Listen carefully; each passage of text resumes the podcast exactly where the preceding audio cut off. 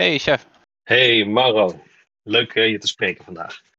Ja, en is gelijk. Ja, laten we maar eerst beginnen met een uh, introductie van jouzelf voor de mensen die jou nog niet kennen. Ja, leuk. Uh, mijn eerste podcast ook, om maar zo te zeggen. Nou, niet helemaal de eerste. In mijn, uh, mijn werk wat ik voor het bedrijfje wat ik heb gehad, wat ik nu heb eigenlijk, Subscore. Daarvoor werkte ik onder andere bij Capgemini, een heel groot IT- en consultancybedrijf in de wereld. En daar hebben we ook eens een keer een podcast opgezet. Aha. Is alleen bij een proef gebleven. was een interne podcast voor uh, mijn type werk, uh, business analyse. En dan gaan we direct een heel klein beetje de diepte in. Business analyse is een hele brede term. Er wordt vaak gedacht dat het enkel de analist is die helpt met financiële zaken. Maar in de IT-wereld is de business analyst degene die meehelpt het ontwerp te maken voor uh, IT-systemen of systemen in het algemeen, hoe manier mensen werken. En onder andere maak je daarvoor tekeningen van hoe IT-systemen met elkaar werken. Je houdt workshops om uh, te kijken hoe mensen überhaupt hun werk doen en wat voor functies ze nodig hebben in software. En je, je ja, je stelt allerlei eisen en specificaties op.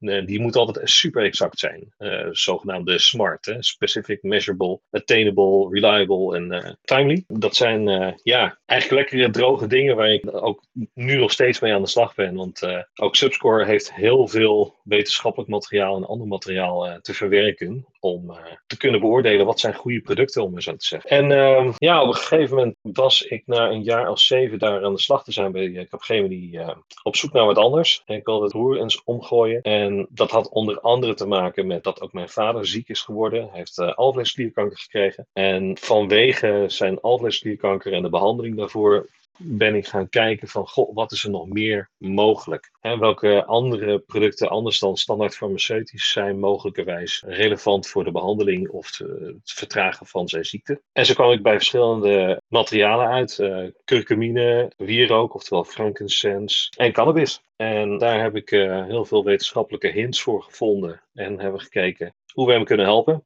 En daar hebben we iets voor gevonden. En ja, heel simpel gezegd, zijn artsen zeiden van, goh, we snappen het niet, want uh, uw progressie gaat niet volgens een standaard ziektebeeld. Ja, wij wisten wel wat er aan de hand was, uh, waarschijnlijk. Ik kan nog steeds niet zeggen dat het hem zo geholpen heeft uh, met hard bewijs, maar ja, normaal heb je max 11 maanden met uh, alvleesklierkanker. En in zijn geval heeft hij er drie jaar mee, mee vol kunnen houden. eerder dit jaar is hij overleden helaas.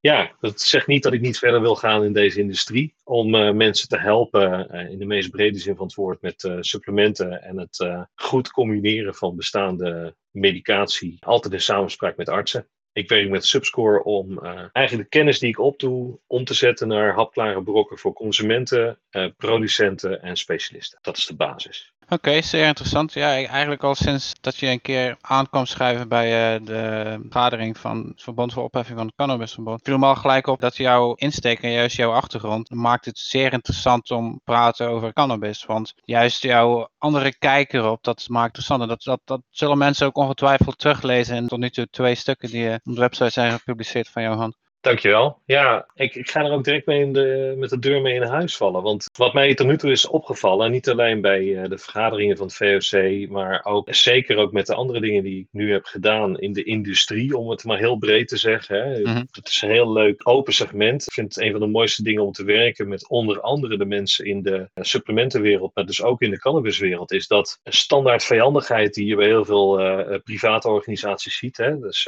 en je merkt het al, ik praat met heel veel jargon om maar zo te zeggen. Misschien ook wel nuttig, want het, mag ook wel eens een keer wat professioneler, om maar zo te zeggen. Ja.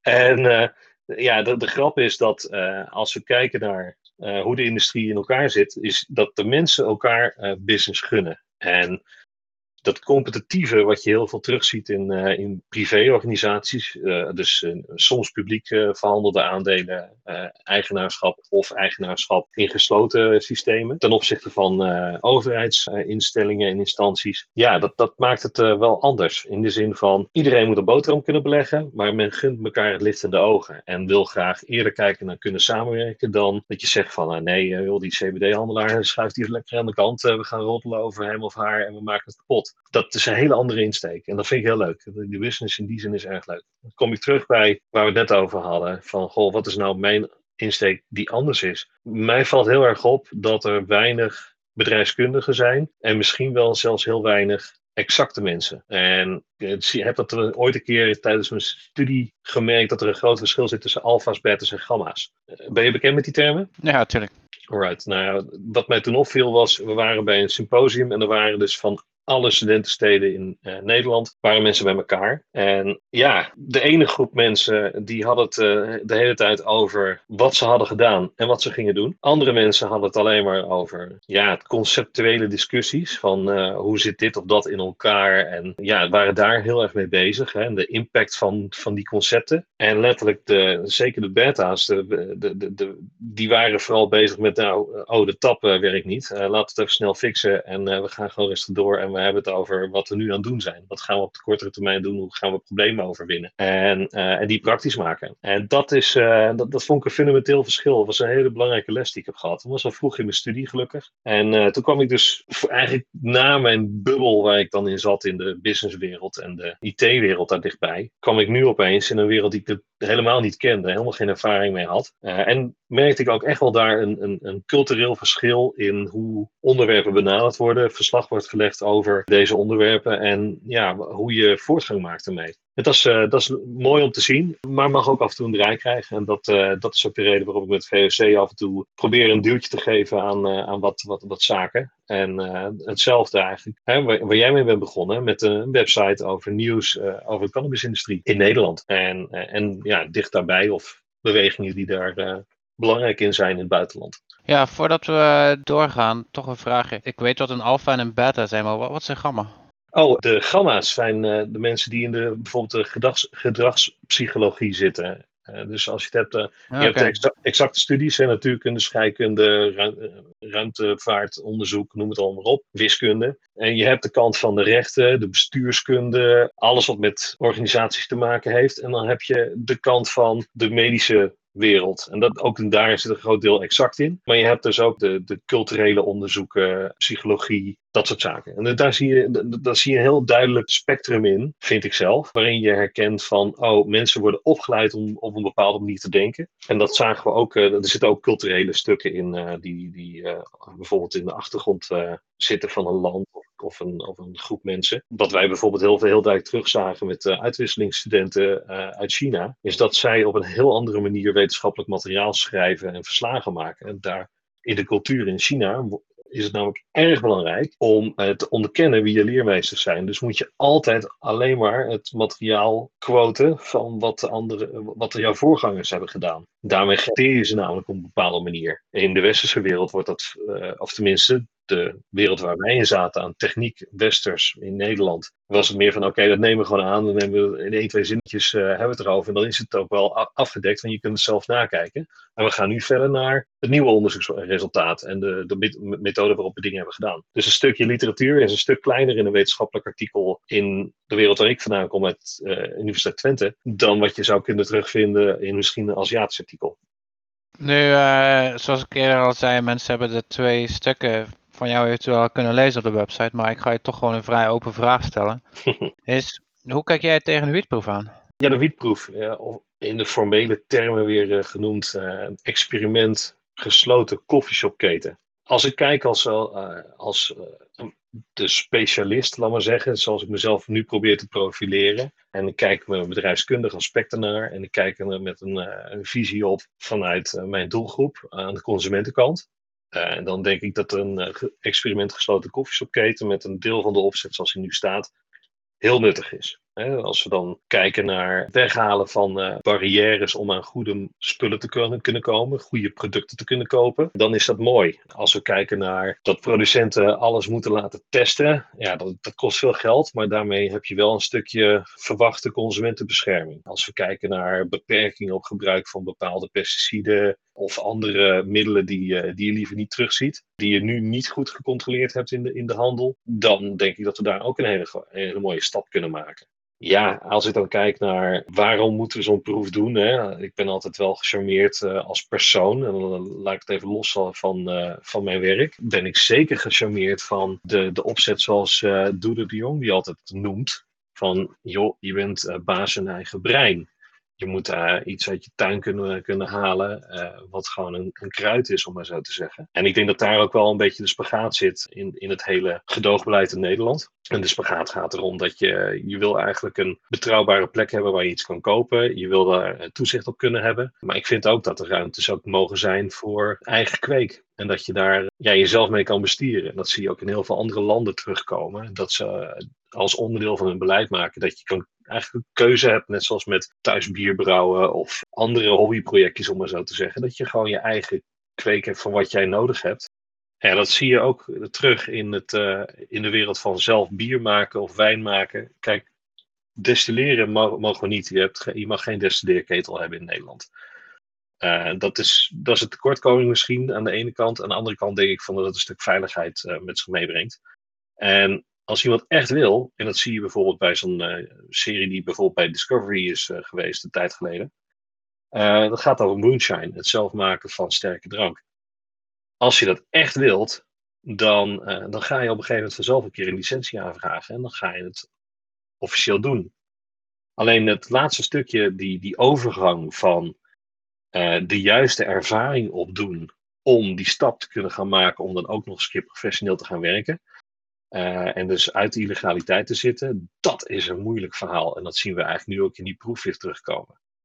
Dus als ik kijk naar de wietproef, het zou heel fijn zijn als mensen een, een, die al jaren hiermee bezig zijn, het maken van uh, mooie planten, dat die ook weer een, eh, een plek kunnen krijgen in, in die productieketen. Want ja, mensen die de passie hebben voor zo'n plant en, en een heel mooi product weten te maken, het zou heel gek zijn om die niet te betrekken bij het hele verhaal. En daar zitten nu wel wat strikte regels aan, wat, wat wel eens roet in het eten kan gooien om het hoogst haalbare product voor de consument te krijgen. Zeker, daar uh, ben ik het helemaal mee eens. Um, iets wat, waar we het ook al eerder over hadden is, voordat we inderdaad in de details van de wietproef gaan, is dat het eigenlijk al, ja, dat, dat er een paar bepaalde dingen zijn op te merken alleen al aan hun communicatie van de overheid. Als in de, de korte periode dat het ineens werd aangekondigd en dat het uh, ingeleverd moest worden. Ja. Maar ook uh, het aanleveren van de documenten op wat voor manier dat ging, zoals je ook in het stuk schreef, ja, dat je geen dat het allemaal platte tekst moet zijn. en ook de communicatie als in de vragen die je hun kon stellen. Ja, dan heb je toch echt uh, drie uh, punten weer te pakken die, die echt wel de kern gaan raken. En het is denk ik even goed om te beginnen bij een soort van disclaimer. Ik, ik kan op dit moment niet altijd overal volmondig een antwoord op geven. Tot namelijk bekend is wie er allemaal een, een, een licentie of een vergunning gaan krijgen om om te gaan, mogen gaan kweken, heb ik ook een, een opdracht staan met een, met een opdrachtgever. En daar werk ik, uh, werk ik aan mee. Dus sommige ja, tactische en strategische onderwerpen kan ik niet helemaal gaan uitdiepen. Ook niet in dit gesprek, maar ook niet in de, in de artikelen. maar ik heb wel afspraken gemaakt ook om te zeggen van jongens, deze industrie moet geprofessionaliseerd worden. En sommige stappen en overwegingen gaan iedereen wel helpen. En dat, is nou, dat kunnen ook andere mensen bedenken, los van wat ik zeg, om maar zo te zeggen. En als ze dan verder gaan naar de, de wietproef zelf, ja, onderwerp 1, de korte periode. Ja. Ja, daar schrokken we een beetje van. We hadden al eens een keer eerder contact gehad, maar uh, toen opeens bekend werd wanneer de deadline zou zijn, toen uh, moest ik even vol gas bijgeven. Dus dan werd het voor mij uh, bijna dag en nacht werken om, om te helpen deze aanvraag te gaan invullen. Hè, dus uh, uh, een deel daarvan betekent dat ik uh, met de regie bezig ben geweest. Van hoe gaan we alle partijen aan elkaar knopen die hier wat mee moeten doen. voor de klant waar ik dan mee werk. En heb ik vooral de rol op me genomen om een goed consistent verhaal van te maken in met de aanvraag. En daarbij ook in de gaten te houden van wanneer moeten we alles inleveren, hoe zit het in elkaar en hoe werkt dat. En ook de, de, de communicatie te doen met de overheid. En dat was, dat was uitdagend om maar even heel kort door de bocht te zeggen. Dus nou, uit die termijn, hè, de korte periode van de aankondiging en de deadline, het zal een paar functies gehad hebben. Functie 1 is denk ik dat iedereen die onvoorbereid is, dat die er al uitgefilterd werd. Als jij niet serieus was in dit de, deze opzet en niet echt wel dieper al voorbereiding had getroffen, dan zul je, het, zal het virtueel onmogelijk zijn geweest om mee te doen. Om een serieus voorstel in te kunnen gaan dienen. Want ja, je kan eigenlijk gewoon amper in zes weken tijd, want dat was ongeveer de timeline die je had hè, van midden juni, juni. Ik zeg het altijd you know. Dat is makkelijker dan het verschil maken met juni en juli. juli dan zeg ik mm. juli.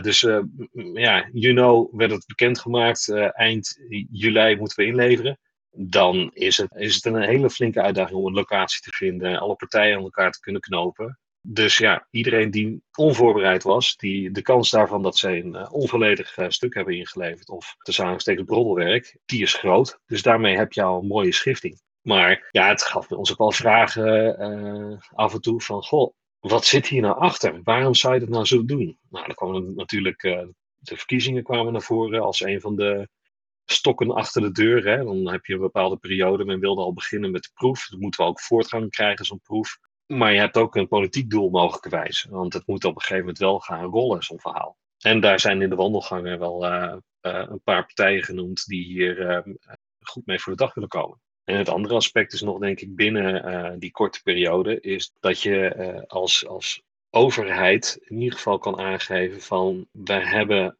een plan we willen iets bereiken en we willen ergens naartoe. Alleen, uh, ja, dan komen we ook bij de, bij de vraag die, zoals die gesteld wordt. Het wijkt niet heel erg af, uh, ook in het, in het aanleverformaat van wat ik zelf ken, ken van aanbestedingsaanvragen. En dit was geen aanbesteding, maar um, als normaal een aanbesteding wordt gedaan, uitgevraagd door de overheid, en of die nou landelijk is of dat die Europees niveau uitgevraagd moet worden, dan wordt er altijd een, een, een format voorgedragen, het liefst. Omdat, dan kun je bijvoorbeeld wat wij noemt horizontaal nakijken. Want uh, stel, je, je maakt een proefwerk uh, en die bestaat uit bijvoorbeeld vijf vragen, dan is het horizontaal nakijken uh, dat je niet proefwerk gaat nakijken van vraag 1, 2, 3, 4, 5, maar voor alle ingeleverde proefwerken alle vragen 1 en daarna alle vragen 2.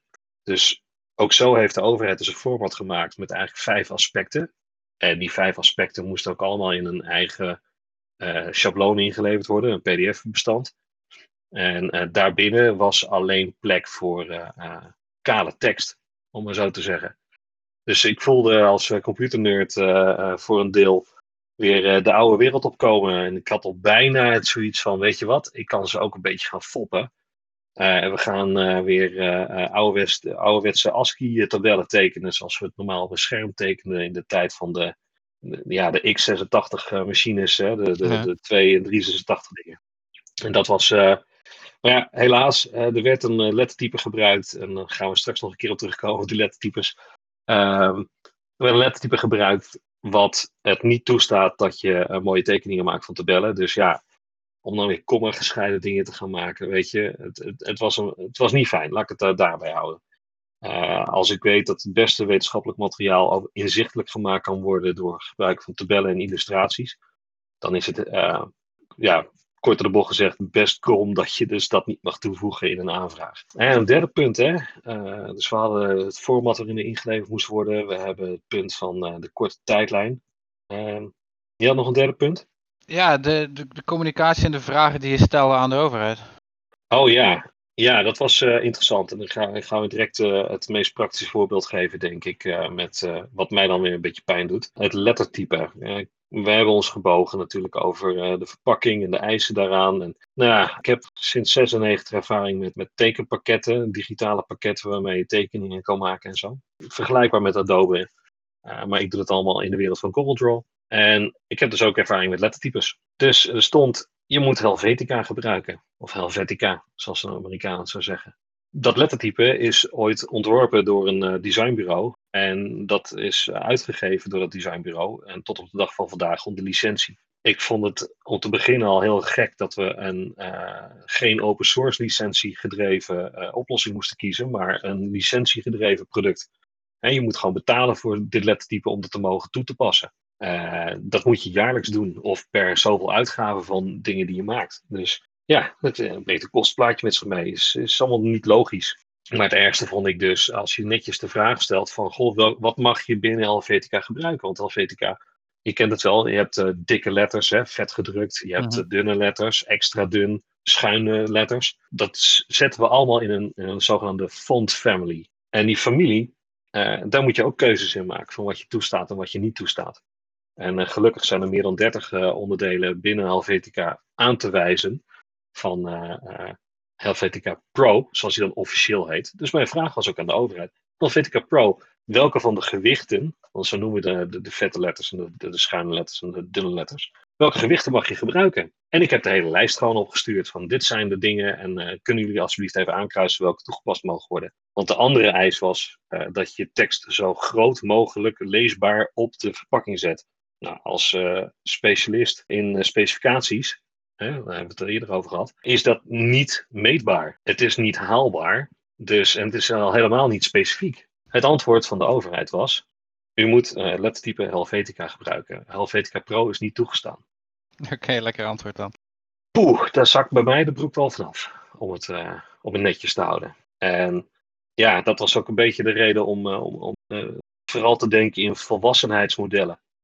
Hè, met, met een paar van die artikelen. Want de vraag, laat ik het zo zeggen, in mijn werk hiervoor heb ik wel eens voor grote bedrijven ook aanbiedingen gemaakt met uh, bedrijf waar ik toen voor werkte, in de IT-wereld. Dan uh, gaat het om geen kleine opdrachten. Hè. Dan gaat het om dingen, om opdrachten van tientallen miljoenen in het beste geval. Dan komen daar een heleboel eisen voorbij. En die moet je heel precies invullen. En daar hebben we ongeveer eenzelfde tijdlijn voor gehad.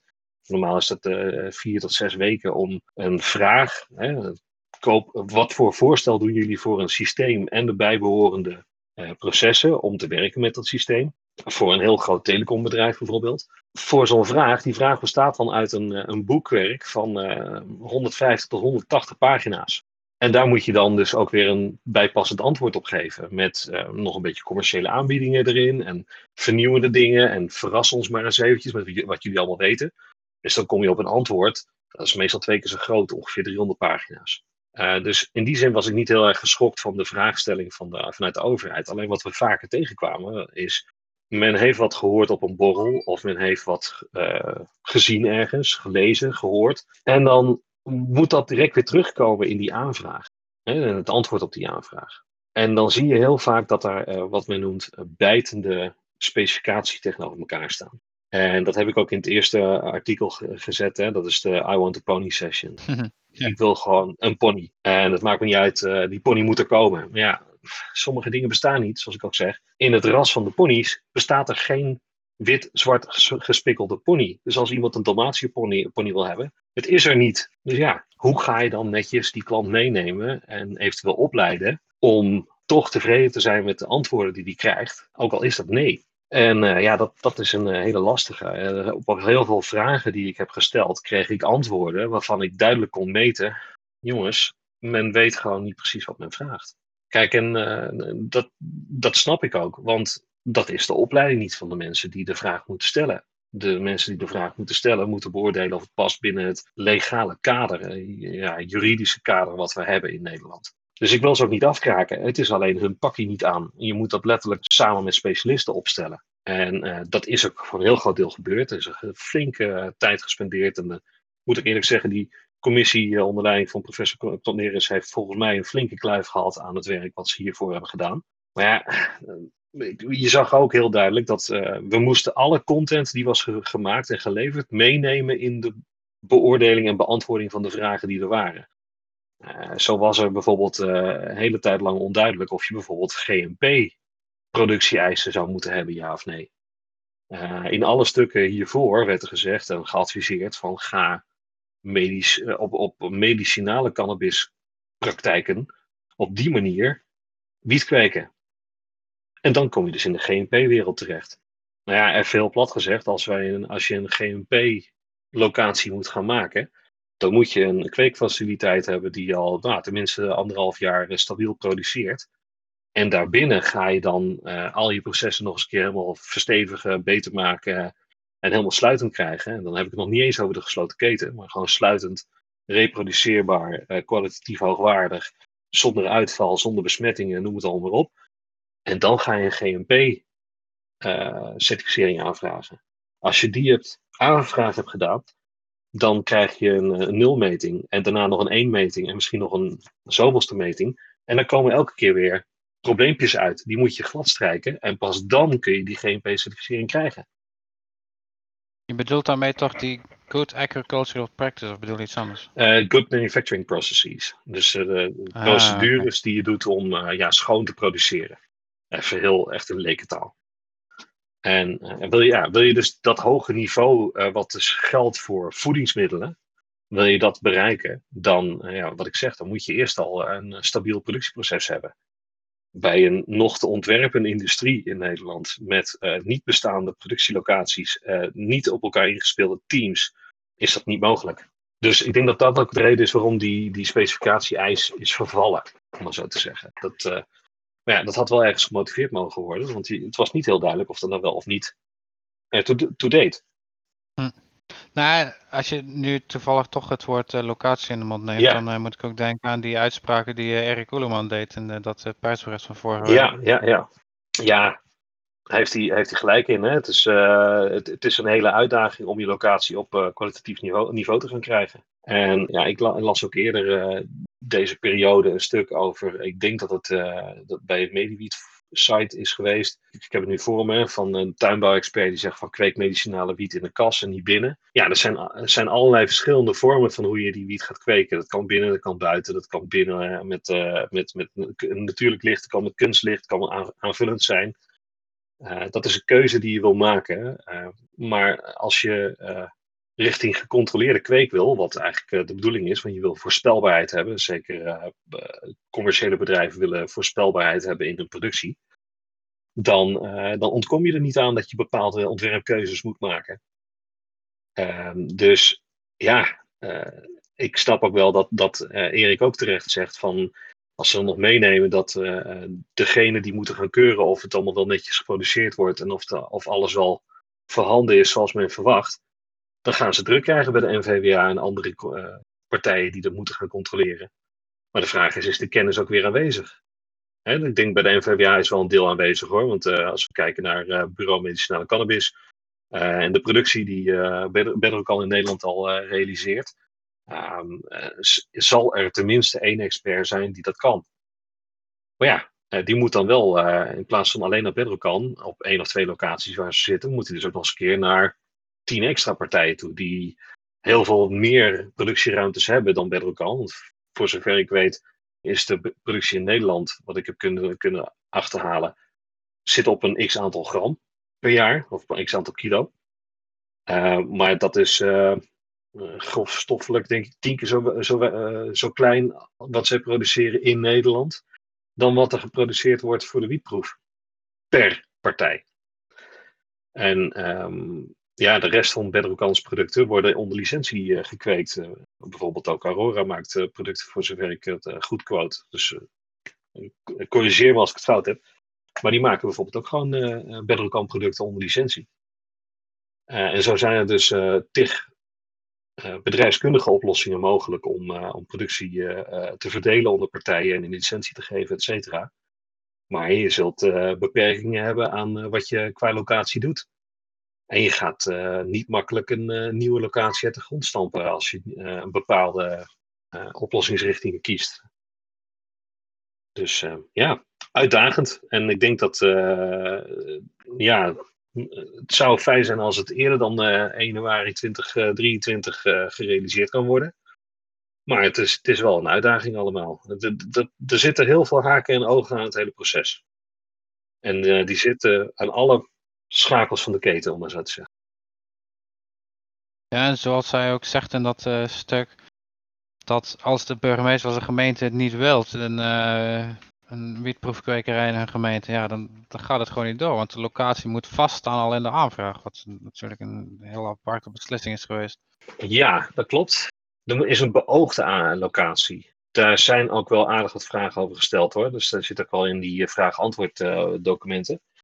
Maar dat is ook op dezelfde reden waarom we op die 149 partijen uit zijn gekomen, denk ik. Want het was mogelijk om uh, met hetzelfde voorstel voor alle businessdeelnemers binnen zo'n ding binnen, binnen één partij. Laten we, ik doe maar even een wild voorstel. Je zit met vijf individuen of vijf BV's. Wil je dit samen aanvragen? Dan zou je per BV een aanvraag kunnen doen. Het enige wat dan niet gebeurt is dat je, je, je krijgt niet twee licenties toebedeeld. En je kunt niet fysiek op dezelfde locatie zitten. Dus ik denk dat er ook wel uh, potentiële overlap is. Hè? Er gaat wat overlap zijn op uh, beoogde locaties. Uh, er zal wat overlap zijn in de, de aanvragen die ingediend zijn. Dus dezelfde aanvraag komt meerdere keren terug. en dat we daardoor ook op het hoge aantal zijn gekomen van 149. Ik had het zelf niet zo ingeschat. en ook zeker niet wat ik uit de markt heb gehaald met de partijen waar ik mee heb gesproken. daar zaten toch eerder te denken aan een kleine 70. Ja, eigenlijk zat het wel redelijk naar mijn verwachting. Maar natuurlijk ongetwijfeld bij deze aantal vragen. Het zou me niet verbazen als ze er al 25 in de prullenbak kunnen gooien, zeg maar, bij het zien van de eerste beantwoording. Dat denk ik ook. En ik denk ook uh, uh, dat je onder, op het onderdeel beveiliging en security, uh, je moet een beveiligingsplan inleveren. Als jij niet weet een paar basis NEN of ISO-normen kan noemen, dan houdt het heel snel op. Dan, uh, dan, dan wordt het heel lastig beoordelen of je wel door hebt hoe het in elkaar zit. Ik heb, uh, ik zal eens even kijken of ik nog een, uh, een dingetje bij de hand heb erover. Uh, je hebt bijvoorbeeld al een hele simpele norm. Dat is NEN ISO 22322 uit 2015. De maatschappelijke veiligheid, management van noodsituaties en richtlijnen voor publieke waarschuwing. Dus dat is de taxonomie die, die er dan voor hangt. Hè? Dus maatschappelijke veiligheid, hoe ga je dan in noodsituaties om met dingen? En dan moet je wat vertellen over uh, richtlijnen voor publieke waarschuwing. Daar moet je plan voor klaar hebben liggen. Is er een keer een grootschalig iets, er is brand, er is een, uh, een inbraak, er is een overval, iets anders. Dan moet je daarvoor een plan klaar hebben liggen hoe je mensen gaat, uh, ja, een persvoorlichting gaat doen. Welke partijen je al gaan benaderen van de overheid. En welke overheid is het dan? Is het landelijk? Is het regionaal? Is het provinciaal? Is het uh, alleen binnen de plaats? Nou, zo zijn er dus uh, minstens 100 normen die, uh, waar je wat mee moet en waar je een antwoord op moet kunnen geven. Of waar je een, een, beeld bij moet hebben. En die moet je ook gewoon noemen. Dat stond er gewoon in, in de aanvraag erbij. Van noem alle relevante normen. Dat is een heel mooi selectiecriterium geweest. Het, het haalt een heleboel cowboys uit de markt. dat weet ik zeker. ja, dat, dat zorgt dan ook wel voor een van de voordelen. Ja, heel kort over die Cowboys. Kijk, wat ik ook zeg, het zou heel zonde zijn als de mensen die al jarenlang fantastische producten weten te maken voor de, de eindconsument, dat die geen plekje kunnen krijgen. Dat, uh, dat, dat is het dubbele hierin. Ik denk ook wel um, dat je, ja, wat ik, wat, wat, ik ook merk aan bedrijfskundigen, wat ik een beetje mis, is dat veel van de mensen die werkzaam zijn in de sector, nu al, hebben geen geen begeleiding gekend om zo'n volgende stap te maken, om zo'n groeistap te, te maken uh, in de industrie. Dus die zitten inderdaad heel dicht bij het vuur, in de zin van heel dicht bij de kweken van, uh, kweek van de planten, de productie, et cetera. Maar die professionaliseringsslag, ook door het beleid van hoe je bijvoorbeeld mensen aanpakt, zoals we ook hebben gezien met uh, Philippe Rotier, dat, ja, daarop word je dan beoordeeld. Hè? De wet zegt nou even op het moment dat jij plantjes hebt en je doet het professioneel. En professioneel is als het al binnen is. Nou, sommige mensen hebben buiten helemaal geen ruimte, dus dat houdt dan wel snel op. Uh, maar ook als je al een druppelinstallatie hebt of een vernevelingsinstallatie, dan is het professioneel. Ja, dan, dan, dan ben je snel klaar. Terwijl eigenlijk wil je gewoon, ook als je thuis iets zou kweken, wil je controle kunnen hebben over je kwaliteit. En dat doe je dan door uh, niet meer met een gietertje aan de slag te gaan, maar gewoon letterlijk uh, iets te doen waardoor een plant ja, continu wat water kan krijgen. Hè? Wat behoefte, waar die, waar die plant behoefte aan heeft. Ja, over die plant gesproken, om een uh, brug te maken. je kunt van die plant ook andere producten maken, zoals huis, wat ook gaat mogen in deze uh, wietproef. Maar daar, daar blijven toch bij veel mensen vragen over zitten of ze hebben er een bepaalde mening over. En ja, ja ik, ik kan me voorstellen dat je daar ook wel mee hebt uh, gestruggeld in de aanvraag. Uh, ja, dat is. Uh, kijk, ik heb het ook in het artikel genoemd. Hè? Dat, ik heb daar heel uh, kort het over gezegd. Hè? Het, gaat nu om het tweede artikel, de, de eerste analyse. En Dirk Bergman van de, van de VOC heeft ook netjes het.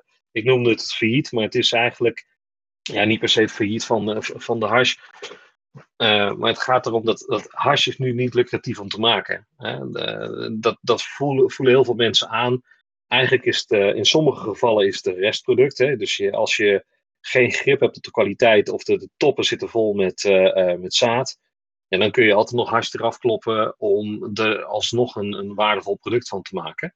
een eindproduct te creëren waar je wat mee kan. natuurlijk zijn er bij de connoisseurs ook bepaalde soorten cannabis waarvan men zegt van oké, eigenlijk als je die als hele plant rookt, is dat niet zo'n heel mooi product. Of als je die consumeert als een hele plant, is het een heel ander product dan dat je er als je, als je de hars van maakt. Nou, en daar uh, zie je dus wel echt een hele crux zitten. Want uh, voor een grammetje hars hebben ze in de, de papieren. Ik ga niet mijn eigen berekening hierop loslaten. Maar ik pak dan even wat uh, commissie Klotneris als input heeft gehad. Klotneris en consorten hebben preciseren. En daar kwam uit voor 1 gram hash heb je 5 gram droge wiet nodig. En het interessante daarin is, als we, uh, wat ik zeg, uh, ook in het artikel, een, een, lineair programmeerprobleem ervan maken. Hè. Dat is een, een uh, dure term om bijvoorbeeld een, een, modelletje te maken van winstmaximalisering of kostenminimalisering. dan kijk je naar welke ingrediënten heb je en dan maak je een product van. Nou, in dit geval zeg je van ik wil een hashreep maken van zoveel gram. Dan heb ik daarvoor nodig, hè, bijvoorbeeld ik wil 100 gram hash maken. Uh, een gram hash levert uh, zoveel op. Uh, en ik heb daarvoor nodig, ik consumeer daarvoor 500 gram van de bloemen. Als ik dan de bloemen neem, dan levert 1 gram bloem levert een ander bedrag op. Als je dan zegt van nou, hoe, wat is de verhouding van mijn productportfolio? Is zoveel, zoveel van product 1, hè, hash, zoveel van product 2, de bloemen, zoveel product van edibles tegen een bepaalde uh, verkoopprijs. En dan zeg je tegen de computer, om maar zo te zeggen, maximaliseer de, de winst uit die verkoopprijs. En dan weet je per ding, de hash, de wiet of de, edibles, weet je, weet je dan, dit is de bijdrage aan de winst. Bijvoorbeeld, hash levert 10 cent op per, per, gram. Uh, cannabis toppen leveren uh, 50 cent op per gram. En de, de edibles leveren uh, eh, 15 cent op per gram. Hoeveel? En ik, uh, wetende dat ik uh, eh, 6500 kilogram per jaar maak, wat is dan de optimale verdeling om een maximalisatie te halen hieruit? Nou, dan is het heel simpel. Als de vraag in de markt oneindig is, dat is wel een van die voorwaarden, dan blijkt dat je geen enkele gram hash moet maken, want de, de, de, de winstbijdrage is maar 10 cent. En de, de wietbijdrage is 50 cent. Dus dan, dan is het antwoord van de computer 0 gram hash maken. En dat is nou net de crux. Als we nu gewend zijn om, uh, ik noem maar wat, een, uh, een, een coffeeshopprijs te betalen van uh, eh, 7,50 euro voor een gram hash. die dus eigenlijk in ruw materiaal onder ideale condities binnen de, de, de experimentgesloten koffieshopketen mogelijk zijn dan heb je daar dus 5 gram gedroogde wiet voor. En die 5 gram ga je als 5 keer 7,50 euro tenminste kunnen verkopen. Dus dan zou je echt een dief zijn van je eigen portemonnee om die hash te gaan maken. Ja, want dat is het ook als je het vergelijkt met Amerika. Hash is ook gewoon een extract. Uh, inderdaad, als je die cijfers na gaat rekenen, dat is waarom je voor een extract of dat het nou hash is of dat het nou uh, olie is, mm-hmm. dan betaal je inderdaad ongeveer vijf keer zoveel voor als dat je normaal voor een gram wiet zou uh, kopen. Ja, en dat, dat, daar komen we ook denk ik ook bij de kern. En eh, we zagen, hè, wij hebben dan een enquête ook staan bij die, die stukken die we nu schrijven, omdat het leuk is om te, te, horen wat, wat mensen willen lezen. Hè. Ik kan natuurlijk van alles schrijven, maar ik wil ook gewoon niet schrijven waar mensen om zitten te vragen. En we kregen dus naar aanleiding van het eh, stuk van gisteren van Rosaria een, uh, een vraag van de Medical Cannabis Society. Uh, en uh, zij vroeg dus ook van welke ruimte en mogelijkheden er zijn voor nieuwe producten. bijvoorbeeld te denken aan edibles of hashproducten. En hoe kun je die dan bewerken, ook met mechanische extractie, laten we zeggen, van, van zaken. Dat, mechanisch betekent in dit geval waarschijnlijk schudden, kloppen of iets doen Waardoor mhm. eh, de, de, de trigomen van de, van, van de bloemtop afkomen. Um, ja, dat is erg lastig. Uh, ik, ga ik ga even kijken naar, beginnende bij de harsproducten. Um, nou, wat, wat je ook al in een artikeltje had, uh, is dat uh, Kees Schelfhout zegt van, hey, de toekomst zit in, in mixtures eigenlijk, hè, in blends. daar kun je wel over nadenken. dat, is, dat is geen rocket science, maar je gaat wel iets gaan terugvinden op uh, mengsels van. En dat zie je ook al vaker terugkomen, dat je dus uh, een hash en wiet joint samen hebt als voorgedraaide. Maar misschien wordt er ook wel uh, los, los hashpoeder verkocht straks, in plaats van dat het geperst is. Nou, dat is een, een, een, product waar je over kan nadenken. Mhm. En wat dacht je van de Moonrocks? Hè? Dus de, de, de, de, de cannabis toppen die dan gedipt zijn in, in, in, in hash. Als ik dan denk aan wat de overheid zou willen, is dat, dat er minder uh, sterke producten op de markt komen. Dus ik verwacht dat dat soort producten niet zo makkelijk hun plek gaan vinden in, het assortiment. Maar ja, we komen er ook een beetje moeilijk uit, denk ik, met z'n allen. Omdat ja, de basis ligt hem ook in die voorspelbaarheid van de productie. Kijk, als we producten gaan maken. En uh, dat we, maakt niet uit in welke industrie je zit. En zeker als we het dan naast edibles leggen. Eetbare producten, daarvan wil je precies weten wat erin zit. En dat is ook de reden waarom we werken met recepten en gestandaardiseerde ingrediënten. we weten van rietsuiker precies hoeveel glucose daarin zit, of fructose of andere zoetstoffen. We weten van um, als we kijken naar, als je een deeg gaat maken, dan weet je hoeveel proteïne er en eiwitten, in die zin, dus de eiwitten zelf, er in de, de meelsoort zitten. Dat, is de reden waarom je met patentbloem hele slechte pizza's maakt, want er zit te weinig eiwit in. Zo heb je dus allerlei ingrediënten nodig die van voorspelbare uh, werking en kwaliteit zijn. Dat maakt het dus ook zo lastig in het hele verhaal, want als je nou iets van een, een, een wat men noemt hennepolie, en dan kom ik ook weer terug bij het verhaal van Philip Rotier. Ja, er wordt van alles gesuggereerd in in de verhandeling van, uh, van dit verslag, maar er wordt nergens gezegd, wij hebben getest hoeveel uh, werkzame stof, THC, CBD en andere cannabinoïden er in de olie die aangetroffen is, aanwezig is. We hebben de planten ook niet getest op een gestandaardiseerde manier. Dus meneer is wel of niet aansprakelijk voor een effect wat beoogd kan worden met zoveel percentage of milligram THC CBD. Als je edibles maakt, heb je precies dat nodig. Je moet precies weten hoeveel grondstof van cannabinoïde X, Y en Z je in je product gaat hebben. Want alleen dan kun je een herhaalbaar product maken van een herhaalbare kwaliteit. En ja, eigenlijk als je kijkt naar de normeringen, uh, er staat, ja, hennepolie staat op lijst 1. Oké, waarom staat hennepolie op lijst 1? Uh, er zit een idee achter. Nou, het idee is die hoge concentratie. Maar wat is nou de definitie van een hoge concentratie? Als ik dan kijk naar de regels van uh, de EU en in Nederland, dan zeggen we 0,05% THC toegestaan in CBD-olie. dat is ook de, uh, hoe die jongens van het, uh, van het KAN ermee bezig zijn. Cannabinoïde Adviesnetwerk Nederland, uit mijn hoofd. Adviesbureau, Adviesbureau excuseer. Ja, die afkortingen zijn af te lastig. Zeker. Ehm, kijken we dus naar de, de regelgeving, de dan zitten we op 0,2 tot 0,3 THC. Uh, als we ook naar Zwitserland meekijken. En dat, zijn dus, dat is een toelaatbare waarde voor alle consumptieve gebruik van vezelhennepproducten. Ja, lastig dus. We hebben al een andere regel in Nederland. Voldoen we daarmee, daarmee wel aan de wetgeving in de EU?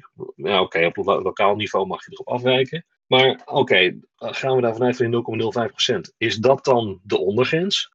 En is alles wat erboven zit, is dat dan al hoog? Is dat een hoge concentratie THC? Ja, dan zou je dus alles wat er net er buiten valt, aan een standaard CBD-middelen, ook al direct op de, de bom moeten slingeren. En dan is dat dus opeens een drugs. Een drugs van de zwaarste categorie.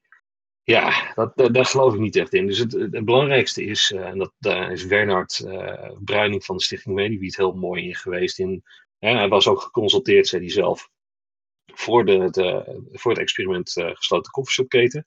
En hij heeft vooral de nadruk gelegd op het verschil van hoe mensen onder andere alcohol consumeren. En daar, daar, heeft hij een mooi filmpje over. En dan zie je in, uh, mensen zijn eigenlijk niet op zoek naar uh, flessen uh, sterke drank. Want als jij een fles wodka koopt, de meeste mensen drinken dat dan niet puur. Die gaan het aanlengen met iets anders, bijvoorbeeld een colaatje of iets anders. Ja. want men is op zoek naar de, de, de lichte buzz die je krijgt van bijvoorbeeld één of twee biertjes, één of twee mixdrankjes. En dus niet naar coma zuipen en helemaal knock-out gaan. Want ja, dat zit alles in de dosering. De dosering is persoonlijk. Dat is, ieder lichaam is anders. En dat, daar hamert Bernard ook altijd uh, op. Ga niet uh, vragen om percentages. En ga dit niet doen, ga dat niet. Ga gewoon ontdekken hoe jouw lijf werkt. En dat zien we dus ook terug met, die, met, met alle producten waar we nu mee bezig zijn voor, de, eh, voor het experiment. Ik mis gewoon een harde lijn om te zeggen van uh, we willen niet een percentage waar we op zitten te hameren. Nee, we willen gewoon zoveel aantoonbare milligrammen maximaal aan, in het product hebben zitten. En dan kun je zelf wel bepalen hoe je, of je daar helemaal knock-out mee doseert, ja of nee. Want dat is wat je dan doet. Maar je, hebt, je zult dan gewoon heel veel moeten gaan om een bepaald niveau te, te komen. En daarmee bescherm je consument.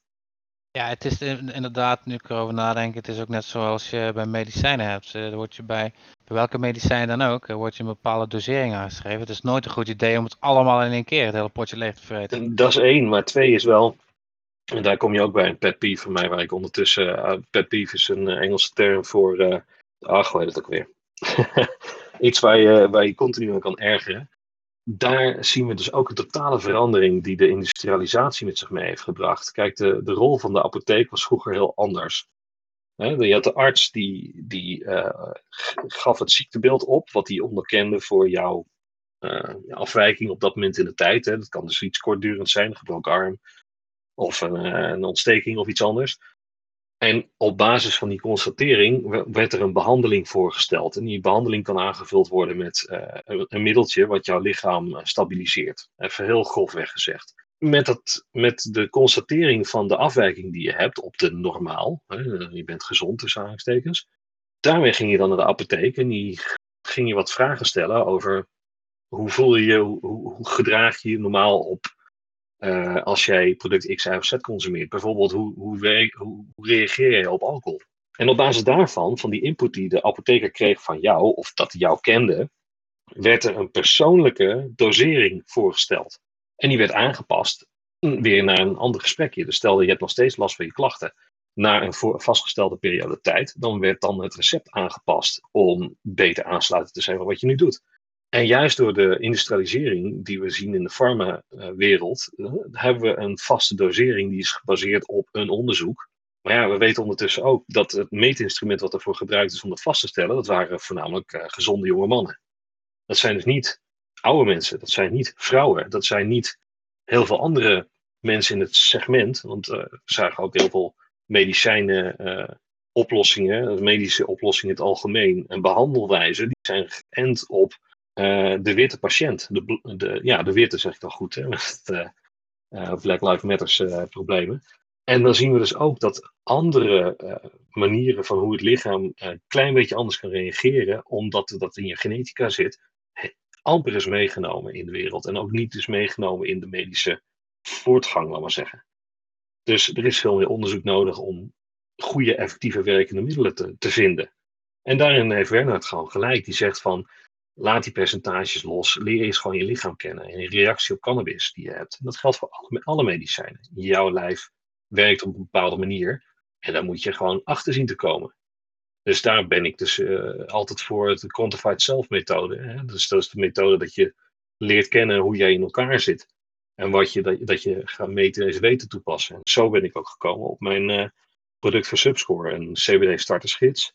Met daarbij een methodetje, een, logboek en een kaart waarmee je bijhoudt van hey, dit heb ik vandaag gedaan, dit heb ik gisteren gedaan, zo voel ik me. Uh, heb ik meer of minder pijn? Uh, ligt het dan meer of minder slaap? En zo probeer je eigenlijk allemaal variabelen die jouw gezondheidstoestand kunnen beïnvloeden, in kaart te brengen en daar echt gewoon een gevoel bij te krijgen. Oké, dit is wat er mogelijk als variabele telt die mijn gezondheid beïnvloedt of mijn ervaren gezondheid. Want dat is ook weer zo'n punt. Hè? De geest werkt ook heel erg mee met het verhaal. Dus ja, uh, we zien gewoon een wijziging uh, door de industrialisatie ten opzichte van hoe uh, eigenlijk ook medicijnen worden samengesteld ten opzichte van 100 jaar geleden. En laat het nou ongeveer ook de tijd zijn geweest waarop we zijn, zijn begonnen met het verbieden van cannabis in het algeheel. Dat is erg interessant, want ook in Frankrijk was het uh, in de tot 50 jaar voor, 100 jaar geleden, was het een academische studie om plantenheelkunde te doen. Die is bijna nergens meer in de wereld te volgen. Er is helemaal geen academische studie meer in plantenheelkunde. Waarom is dat? Okay. Heel interessant. Hm. Ja, ik denk dat we aardig wat onderwerpen hebben besproken waar mensen zeker nog even thuis over zullen verder na gaan denken. Ja, sorry, ik ben af en toe een beetje een waterval, maar... Uh... nee, geeft niet. Ik, uh, ik denk dat er ook zeker een uh, vervolgdeel kan komen. sowieso nadat we ja, weer wat content hebben kunnen publiceren. Evenals ja, wanneer we meer nieuws weten over de wietproef überhaupt. Ja, zeker. Zeker. Dus ik, ik, stel voor om het hier bij af te gaan sluiten, tenzij je nog iets hebt. Nou ja, weet je, ik ben eh, zelf heel erg geïnteresseerd in wat er gaat gebeuren met uh, wat de Europese Commissie nu gaat voorstellen ten opzichte van CBD. een heel interessant moment in de tijd, omdat je ziet eigenlijk een, een tegenovergestelde beweging in de rest van de wereld ontstaan. Zelfs de VN is voor het eind van dit jaar willen ze een eigen gelegd hebben over hoe gaan we om met cannabis in het algemeen en specifiek ook CBD-producten. En uh, het lijkt er heel sterk op. En uh, daar zie je al bepaalde landen een voorschot opnemen. Een van de meest interessante vind ik dan weer bijvoorbeeld uh, een, een, land wat heel streng is in de leer. dat is Pakistan. Um, ja. Met een hele sterke islamitische inborst. Dat die een hele progressieve stap hebben gemaakt in mijn beleving. in de zin van dat zij nu hebben gezegd van, oh, we, we, zijn een van de grootste katoenleveranciers van de wereld we zien eigenlijk dat uh, gezien het waterverbruik wat er nodig is voor katoen, kunnen we een betere plant inzetten. En die heeft meer voordelen dan alleen maar de vezel die eruit komt. En dat is de, de, de hennepplant. Dus kan, de, de cannabisplant in de vorm van de hennepplant. En dat is ook weer zo'n mooie discussie over wat is nou cannabis, wat is hennep voor de wet in Nederland en wat is de hennep in de, rest van de wereld in de industrieën. Dus als we het hebben over vezelhennep, dat is waar Pakistan de eieren op inzet. Uh, die gaan uh, kijken of ze misschien heel uh, de productie van katoen kunnen vervangen door hennepvezels. En die hebben ook aangegeven, dat kunnen we tegelijkertijd de bloemtoppen gaan gebruiken voor voedsel in de vorm van zaad. En we kunnen daar CBD-producten van maken die we kunnen inzetten als een soort van white label product.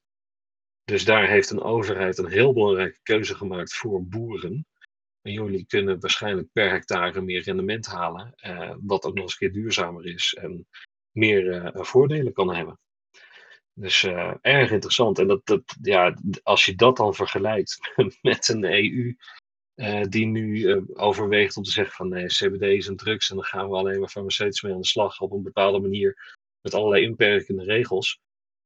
Ja, interessant. Hè? En dat ook met jouw publicatie van, de, van vandaag of van gisteren over eh, CBD gemaakt eh, op basis van gist. Eh, de, daar loopt al een tijdje onderzoek naar. Um, ik denk, als we kijken naar de farmaceutische industrie in het algeheel, weinig mensen realiseren zich dat vrijwel ieder middeltje wat je nu als medicijn koopt op farmaceutische wijze bereidt, komt uit de plantenheelkunde. Hè. Het simpelste uh, voorbeeld zijn pijnstillingen, die komen uit de berkenbast. Niet alleen zoetstoffen halen eruit, maar we halen er ook uh, pijnbestrijdingsmiddelen uit.